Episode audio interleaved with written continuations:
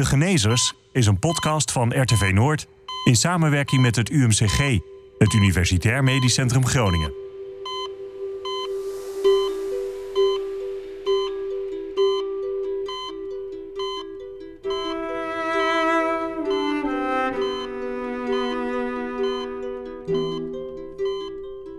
De Genezers is een podcast over ziekte en genezing, over patiënten en dokters, over methodes en ontwikkelingen in de medische wetenschap.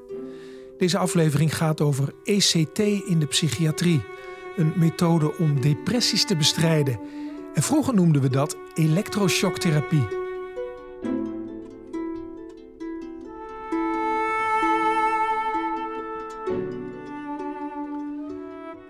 Carolien Jansen is al meer dan tien jaar depressief. Ze heeft net haar voorlopig laatste ECT ondergaan. Tussen die behandelingen door moest ze, zoals dat gebruikelijk is, ter controle in het ziekenhuis blijven. Maar nu is ze thuis. Ik wilde heel graag naar huis. Het, het viel me steeds zwaarder. Ehm, onder andere, ja, kijk, ik woon alleen en ik vind het heerlijk om alleen te zijn. En daar heb je continu die mensen om je heen. Ja. En bijvoorbeeld, er was iemand met een bipolaire stoornis. En die was, nou, één, twee weken geleden was, voelde ze zich heel slecht. Dus dan zie je de, continu hoe akelig iemand zich voelt. En eh, krijg je dat de hele tijd mee. Maar nu was ze in een, ehm, eh, juist in een manische periode. Dus was heel druk en bleef maar praten en praten en praten. Dus ja, dat, ik, voor mij is dat dan heel vermoeiend. eh. En er was iemand die steeds, die, die heel regelmatig epileptische insulten had. Heel ernstig. Ja, en dat is ook gewoon heel naar om dat mee te maken de hele tijd. En het leek wel alsof dat alleen maar steeds erger werd de laatste tijd. Dus dat, dat, ehm, ja, dat, is, dat is ook gewoon dan zwaar. Ja. Je hebt ook een epileptisch insult gehad. Ja, precies. Dat is, dat is natuurlijk het gekke. Want dat is, maar dat, dat, dat maak je zelf niet mee. Maar dat is wel wat de, behandel, wat de behandeling is. Ja. Dat ze je onder narcose een epileptisch insult geven. ja.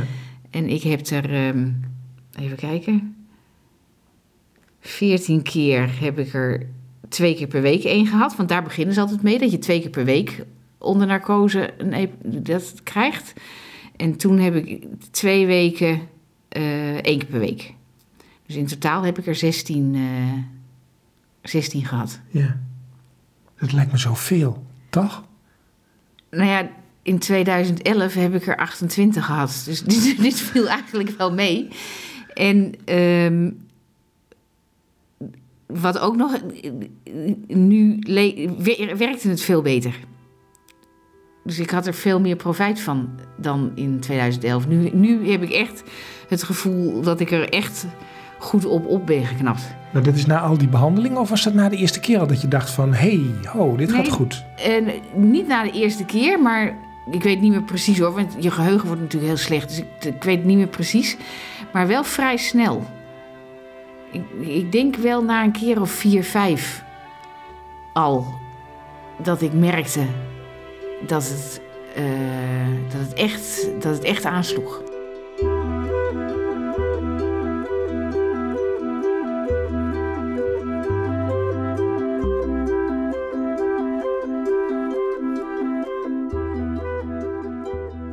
Ik beloof dat ik de geneeskunst zo goed als ik kan zal uitoefenen ten dienste van mijn medemens.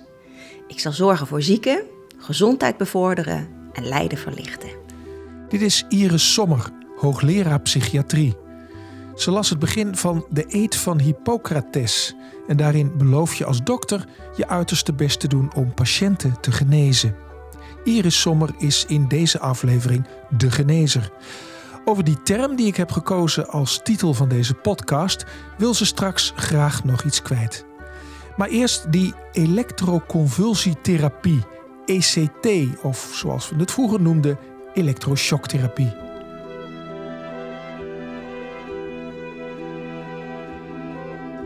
ECT is een super effectieve behandeling. Het is de effectiefste behandeling die we in de psychiatrie hebben. Ehm, eh, maar je zet hem meestal in in een kuur en daarna stop je ermee. Doe je niets, dan vallen mensen weer terug. Dus het is, je haalt mensen daarmee uit de depressie. En dat is echt wel heel mooi om te zien aan ECT. Mensen die voor ECT kiezen, hebben vaak heel wat behandelingen achter de rug. Zijn vaak al, nou, bijvoorbeeld tien jaar uh, depressief. Um, dat is een groep die moeilijk te behandelen is. Met medicijnen is de kans op slagen daar niet zo groot meer. Maar met ECT dus wel. Ja. Dan nog steeds zit je op 60 à 70 procent, uh, we noemen dat remissie. Dus zeg maar de depressieve symptomen gaan weg. Ja, dat is wel heel mooi. Dus die, die behandeling, enerzijds koesteren we hem omdat die zo effectief is. Anderzijds zijn we er ook heel zuinig mee om hem in te zetten. Omdat het zwaar is. Het is ook gewoon zwaar. Je gaat twee keer per week onder narcose. En je wordt naar de dag elkaar gerold. En je krijgt een, ja, toch een beetje een griezelig idee uh, behandeling. Um, wat natuurlijk de, uh, uh, de heilige graal is voor onderzoekers, is om een behandeling te ontwikkelen. Net zo effectief is als ECT, maar niet zo zwaar, waarvoor je niet steeds onder narcose hoeft te gaan en die ook niet die lelijke bijwerking heeft. You know the day destroys the night, night divides the day. Try to run, try to hide, break on through to the other side, break on through to the other side, break on through to the other side, yeah. Wat nu heel lastig is, is dat ik uh, mijn werk, dat ik niet meer weet uh, wat ik in, in, de laatste periode voor de ECT, wat ik op mijn werk gedaan heb. En uh, dat is heel erg lastig. Want ik ben nu weer een heel klein beetje begonnen met werken. Absoluut niet gewoon werk, mijn gewone werk, want dat, dat kan helemaal niet zoals het nu gaat. Leg eens uit wat je vroeger gedaan hebt dan. Ik ben wetenschappelijk onderzoeker. Maar ik kan helemaal niet bedenken wat ik voor de ECT aan projecten gedaan heb. En ik had uh, aantekeningen gemaakt zodat ik terug kon halen wat ik gedaan had. Maar zelfs dat is niet genoeg. Ook als ik dat le lees, um, weet ik nog steeds niet wat ik gedaan heb. En um, dat is heel akelig. Ja. Is er niet een hoge prijs die je dan moet betalen voor zo'n behandeling? Ik denk nog steeds, het is goed dat ik het gedaan heb. Want het was niet meer leefbaar. En dan. Uh, dan heb je er dus niks aan dat je kunt werken. Maar dat is tegelijk, er is nog veel meer. Want uh, als je je zo slecht voelt, kun je ook niet meer werken. Dus dat, dat is ook niet. Uh, het zijn dus twee dingen. Dus, dus dat. dat uh, ja, het leven is niet leefbaar, maar het, het, het werk het lukt ook niet. Als je, er blijft er wel heel weinig over. Hè? Ja, ja, precies. En het was dus ook zo dat ik eigenlijk zou ik gewoon thuis de medicatie afbouwen. Want de medicatie die ik had, die kon niet samen met de ECT, of met, met de narcose eigenlijk. Dus de, de, de medicatie moet, moest afgebouwd. En toen bleek dat het toch nog wel wat deed. Want het, het leek dus alsof de werking helemaal opgehouden was. Maar toen ik het afgebouwd... Toen wist je pas wat je miste. Nou ja, toen, bleek, toen ging ik me nog slechter voelen. En toen lukte het dus ook niet meer om, om thuis te blijven. Dus toen, ik ben al voor de ECT ben ik opgenomen... omdat het, omdat het me niet meer lukte om, om thuis te blijven. Daar, hmm. daar voelde ik me te slecht voor. Ja. Dat, uh, ja, dat werd gewoon eng. Maar eng, eng in welke zin? Dat je dacht van ik doe mezelf straks wat aan of zo? Ja. En tegelijkertijd is dat ook heel eng. Dus dat, dat is niet iets wat, zomaar, wat je dat zomaar zult doen. Maar wel in, dat, dat idee van blijf ik ehm, ga ik mezelf niet wat aan doen.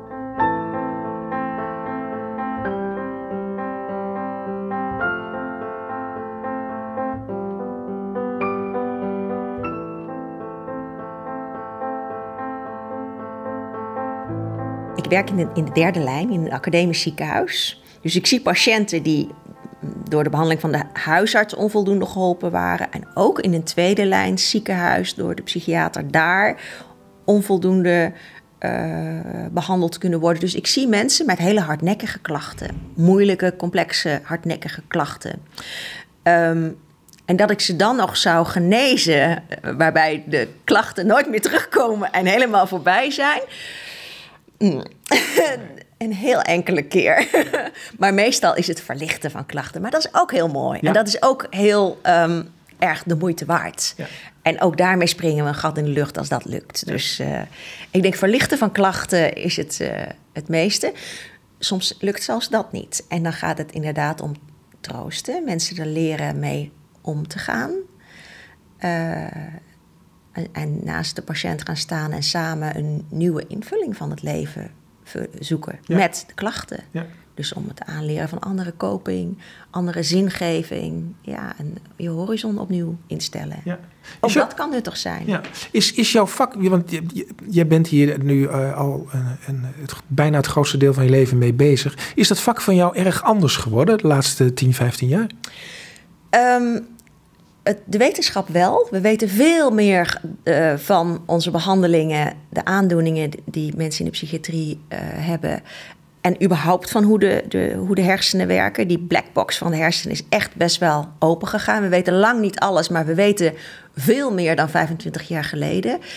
Uh, en daarom is het nu ook zo mooi om die, om die combinatie van onderzoek en geneeskunst te doen. Omdat nu eigenlijk de tijd van oogsten is. Nu kunnen we ook uh, kennis gaan omzetten in betere behandelingen. Um, dat hebben we nog niet zoveel gedaan. Wel een beetje, maar nog niet zoveel. Maar ik verwacht uh, de komende 25 jaar dat dat echt aan de orde is.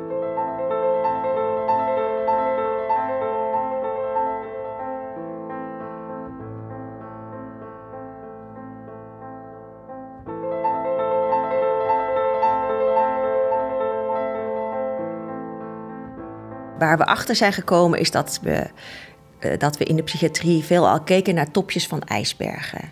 Dus iemand meldt zich bij de huisarts met bijvoorbeeld een depressie. Daar zit een heel voortraject aan vast. Uh, en eigenlijk als we pas uh, beginnen, wanneer mensen zich melden met klachten, dan lopen we achter de feiten aan. Je kunt veel beter het voor zijn. We weten heel veel inmiddels van risicofactoren. En dat kunnen risicofactoren zijn van iemand zelf, die misschien met je genen te maken hebben, of met je hormonen, of met je afweersysteem. Er kunnen ook risicofactoren zijn uit de omgeving. Uh, misschien gepest op school, uh, als kind mishandeld, maar ook uh, dingen als um, milieuverontreiniging, discriminatie, landbouwgif, allerlei risicofactoren die we best goed kennen. en die we dus ook kunnen inzetten voor preventie. Maar hoe zie je dat dan voor je? Moeten we dan allemaal een soort uh, een jaarlijkse scan doen bij de psychiater van hoe sta ik ervoor? Sommige groepen wel. Niet iedereen, niet de dat hele blijft vaag. Wat voor soort groepen zijn dat dan? Nou, bijvoorbeeld uh, broertjes en zusjes van mensen met, uh, met schizofrenie of bipolaire stoornis. Of mensen die een ouder hebben met een ernstige psychische stoornis. Ja. Um, wat in Australië gebeurt, vind ik heel erg interessant om naar te kijken, is dat uh, de kinderen een soort mood gym krijgen op school. Dus je leert als kind, heb jij misschien ook wel geleerd, ik in elk geval wel, gezond eten. De schijf van vijf. en bewegen. En je leert de verkeersregels, zodat je niet wordt aangereden. Um, ik denk dat het heel goed is wanneer kinderen ook leren om met frustratie en stress om te gaan. En ook leren om hun emoties in de hand te houden en de stress ook weer uh, te, te, laten beëindigen. En op wat voor manieren je hebt om dat te doen. Ik denk dat dat nuttige informatie is. Goh, en dat zie je dan. Uh, Is dat een vak op de middelbare school? Of ja, dat, dat lijkt me geweldig. Daar, dat, daar wordt nu wel veel onderzoek naar gedaan. Wat is nou een goede leeftijd? Moet je dat op de lagere school of op de middelbare school doen? En moet je dat dan voor de hele klas doen? Of moet je dat alleen maar voor risicogroepen doen? Dat is wel een van de dingen waar we nu onderzoek uh, naar doen. En natuurlijk hoe we die risicofactoren weg kunnen nemen. Dus dat is eh, bijvoorbeeld antipestprogramma's uh, op scholen. Dat is, dat is een van de veranderingen in ons vak. De andere belangrijk inzicht is dat mensen met wat wij dan dezelfde aandoening noemen, hele andere onderliggende mechanismen kunnen hebben. Dus ik doe veel onderzoek naar schizofrenie. Uh, schizofrenie is niet dat iedereen hetzelfde heeft, maar ik denk dat je het moet zien als een soort boeket met allemaal verschillende bloemen. Uh, en al die bloemen hebben een ander onderliggend mechanisme, maar uiteindelijk noemen we het beeld allemaal schizofrenie. Maar daar zitten magrieten tussen en rozen en tulpen. En uh, een tulp uh, heeft een andere behandeling nodig dan een roos, hmm. omdat er een ander mechanisme onder ligt. En ik denk dat we daar de komende tijd sterk naartoe zullen gaan. Dat we niet meer iedereen op dezelfde manier behandelen, maar dat we kijken: oké, je bent gediagnosticeerd met schizofrenie, maar ben jij nou een tulp of ben jij een roos?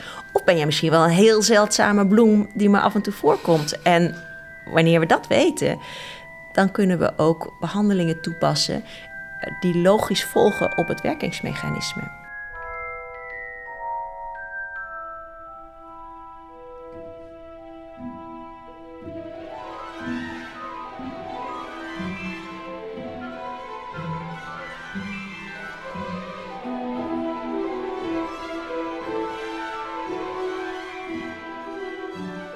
Ja, daar kun je niet langs heen lopen zonder er even bij stil te staan. En een poppenhuis, het ziet er echt fantastisch uit.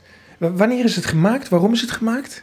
Ik heb het poppenhuis gemaakt omdat ik uh, een keer in een zomervakantie niet zo heel lang wegging. En niet wilde dat die zomervakantie zo voorbij ging zonder dat er verder iets iets was. Dus toen heb ik het poppenhuis gemaakt. Zo van, dan heb ik in ieder geval iets, iets gemaakt. Maar toen had ik nog geen meubeltjes. En toen ik de eerste keer bij de arbeidstherapie zat...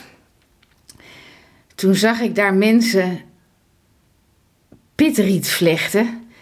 En ik werd er helemaal wanhopig van, want ik dacht echt, ik zit hier en zelf kon ik niet meer dan een kleurplaat kleuren hoor. Dus ik kon echt helemaal niks. Maar het was dus wel dat ik dacht van, oh god, hoe, hoe doe ik dit? Hoe, hoe moet dit? Nou ja, dat pitteriet vlechten, dat, dat, voor mij was dat iets uit... uit Echt een schrikbeeld. Ja. One flew over het koekoesnest of zo, zoiets. ja. ja.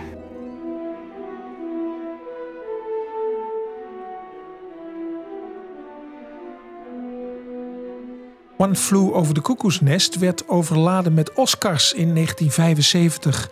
Elektroshocktherapie speelt een rol als marteling voor patiënten in die film. In die dagen was het geen zachtzinnige methode. Toch hadden ook toen al veel depressieve mensen er baat bij. Waarom bleef lange tijd een raadsel. Inmiddels weten we dat door elektrische impulsen nieuwe hersencellen worden aangemaakt. We hebben uh, mensen uh, voor de ECT gevraagd of ze twee keer een MRI-scan wilden ondergaan. Nou, sommige mensen hadden daar echt niet hun hoofd naar staan, daar kan ik me alles bij voorstellen. Anderen waren daartoe bereid en zij zijn uh, voor de ECT-kuur en na 12 ECT-sessies, dat is ongeveer zes weken later, in de MRI-scan gegaan. Dat was geen gewone MRI-scan, dat was een. Um, een MRI-scan met een heel hoog magnetisch veld. Uh, met een 7 Tesla magnetisch veld. En het voordeel van zo'n hele sterke MRI-scan is dat je uh, zeer gedetailleerde opnames kan maken. Kleiner dan een millimeter kun je uh, de hersenen heel nauwkeurig bekijken. En we hebben toen scherp gesteld op de hippocampus. Dat is een gebied dat onder andere een belangrijke rol heeft bij het geheugen. Uh, die hippocampus die bestaat uit verschillende onderdelen. En met die hele sterke magneetscan kun je die verschillende onderdelen apart bekijken. En die zijn echt heel klein. Dan hebben we het echt over friemeltjes, over stukjes als het nagel van mijn pink. Dat is echt klein. Ehm, eh, we dachten altijd al dat die hippocampus was waar het uh, gebeurde. En iets wat speciaal is aan die hippocampus is dat een onderdeel daarvan, de dentate gyrus, dat daar nieuwe cellen gevormd kunnen worden, nieuwe hersencellen. Maar wacht even, we hebben we, wij die niets weten van, van, uh, van de geneeskunst, hebben altijd gedacht, uh, onze hersencellen die sterven af al na een jonge leeftijd en die komen gewoon niet meer terug. Ja, dat heb ik ook geleerd hoor, toen ik geneeskunde studeerde, 25 eh, jaar geleden. Dat uh, die hersencellen, die krijg je bij de geboorte en daar heb je het verder maar mee te doen. Um, ik denk wat ik als, als hersenonderzoeker uh, geleerd heb, een van de belangrijkste veranderingen is dat de hersenen een heel dynamisch orgaan zijn. En dat er voortdurend nieuwe verbindingen gemaakt worden en oude verbindingen worden opgeruimd. Dus die zijn eigenlijk heel erg in beweging. en ja, op een heel select uh, aantal plekken in de hersenen kunnen ook nog nieuwe hersencellen aangroeien. Um, bij volwassenen gebeurt dat doorgaans weinig, maar het gebeurt wel. Um, en dat gebeurt specifiek in die dentate gyrus. Uh, wat wij vonden uh, met MRI is dat mensen die de ECT-kuur achter de rug hebben, dat daarbij de dentate gyrus ongeveer 10% groter was. En alleen deze structuur, de andere structuren van de hippocampus, veranderden niet of nauwelijks uh, in volume. Het was specifiek deze structuur die echt fors gegroeid was. En juist dat verschil, dat die ene structuur zo sterk toeneemt en de andere niet, daarvoor is uh, aanmaak van nieuwe hersencellen, van nieuwe neuronen, vooralsnog de beste verklaring. Um, eh, wat ik frappant vond aan onze uh, bevindingen, de groep die uh, aan ons onderzoek meedeed, dat waren 23 mensen, waarvan 22 goed herstelden met ECT. Die waren echt een end beter. En bij al die 22 vonden we een grote toename van die dentate gyrus. Eén iemand reageerde niet op ECT. En daar zagen we ook dat de uh, dentate gyrus niet in volume toenam. Bovendien, dat vind ik ook een belangrijke bevinding. Um, hoe groot uh, de dentate gyrus was aan het begin van de behandeling, was een goede voorspeller van het effect van ECT. Dus de mensen die bij het begin van de behandeling een kleine dentate gyrus hadden, daar was zeg maar ruimte voor verbetering. En daar zag je ook inderdaad dat dat groeide en dat, dat, uh, dat ze opknapte. En hoe, um, hoe kleiner die dentate gyrus aan het begin, hoe sterker zij verbeterde.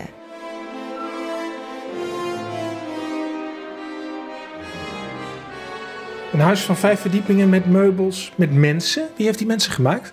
Ja, die, dat, die, dat breien, dat heb ik ook gedaan. ja, want het zijn gebreide mensjes. Ja, het zijn gebreide mensjes. Ja, ja. Dus daar heb ik uh, grote en kleine heb ik daarvan gemaakt. Ben je er zelf ook nog, of gaat dat niet zo ver? Zijn, zijn het ook personen? Zit jij er ook nog nee, tussen? Nee, nee, het zijn geen personen. Het zijn geen personen. het zijn... Uh, Nee, kijk, en, en bij, je kon bij, de, bij, die, bij die houtafdeling, dus bij de psychiatrie, kon je ook branden. Dus ik heb hier ook hier de versieringen. Op een ledikantje. Hout, houtbranden uh, in de kast. Die is dus ook de versier, met, versierd met, met de houtbrand. Met, Prachtig. Uh, Moet je niet grote meubels gaan maken? Nou, ze hadden toen op een gegeven moment wel dat ik niet alleen maar kleine dingetjes moest maken, maar dat ik ook wat, wat, wat groter moest. Dus ik, ik heb ook. Kijk, dat. dat, dat, dat um, uh, tafeltje? Dat tafeltje wat er staat heb ja? ik gemaakt. God. Maar ik heb bijvoorbeeld ook een, een, een, um, zo'n zo'n rietveldstoel. Maar die heb ik niet hier staan, die heb ik weggegeven. Want, heb je ook even gemaakt? Nee, niet even. maar dat. Uh, omdat ze wel dus vonden zo van je moet ook, je moet ook grotere dingen doen. En niet alleen maar dat, dat hele kleine gepriegel uh, mee bezig. Dus dan deed ik een deel, deed ik um, die grote meubels en een deel deed ik die kleine. En, maar in het begin had ik echt een briefje naast me liggen.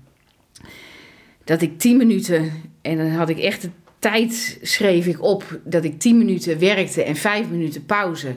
Want anders hield ik het, hield ik het niet vol. Zo, zo weinig kon ik op dat moment. Alleen als ik het niet opschreef, dan vond ik het zo belachelijk dat ik zo weinig kon. Dat dat, ja, dat, dat lukte dan ook niet. Dus dat moest ik echt opschrijven. Ja. Om het. eh, Hebben ze wel eens tegen je gezegd dat je niet zo streng voor jezelf moet zijn? Ja, absoluut.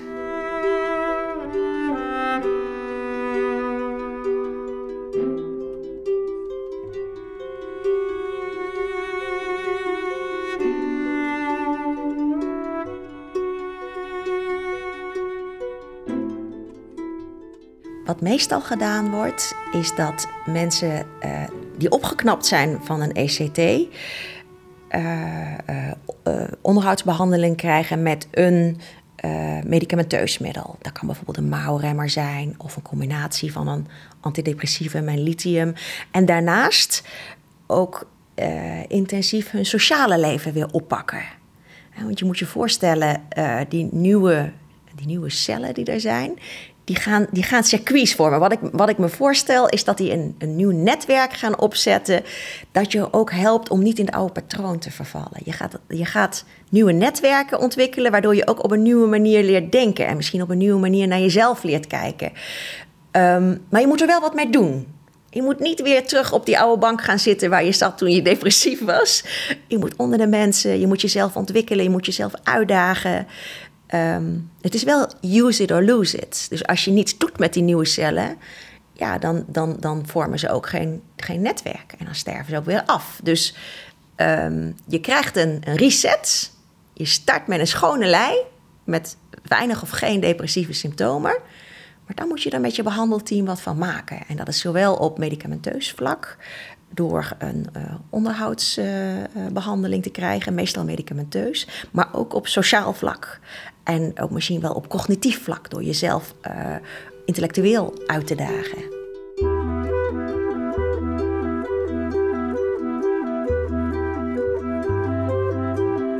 Nu ben ik heel erg opgeknapt, dus daar ben ik heel erg blij mee. Ook al is dat geheugen heel lastig, ben ik toch blij dat ik het gedaan heb. Ja. Omdat mijn stemming er zoveel beter door is geworden. Ja. Maar is het wel heel spannend.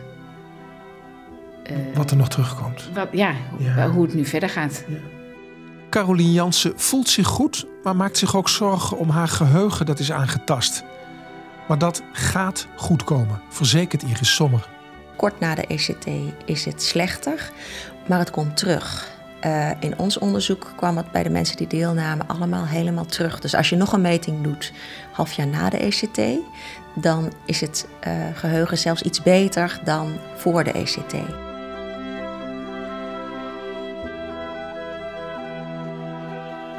Deze podcast is gemaakt door Janneke Kruse en Marjolein de Winkel van het UMCG.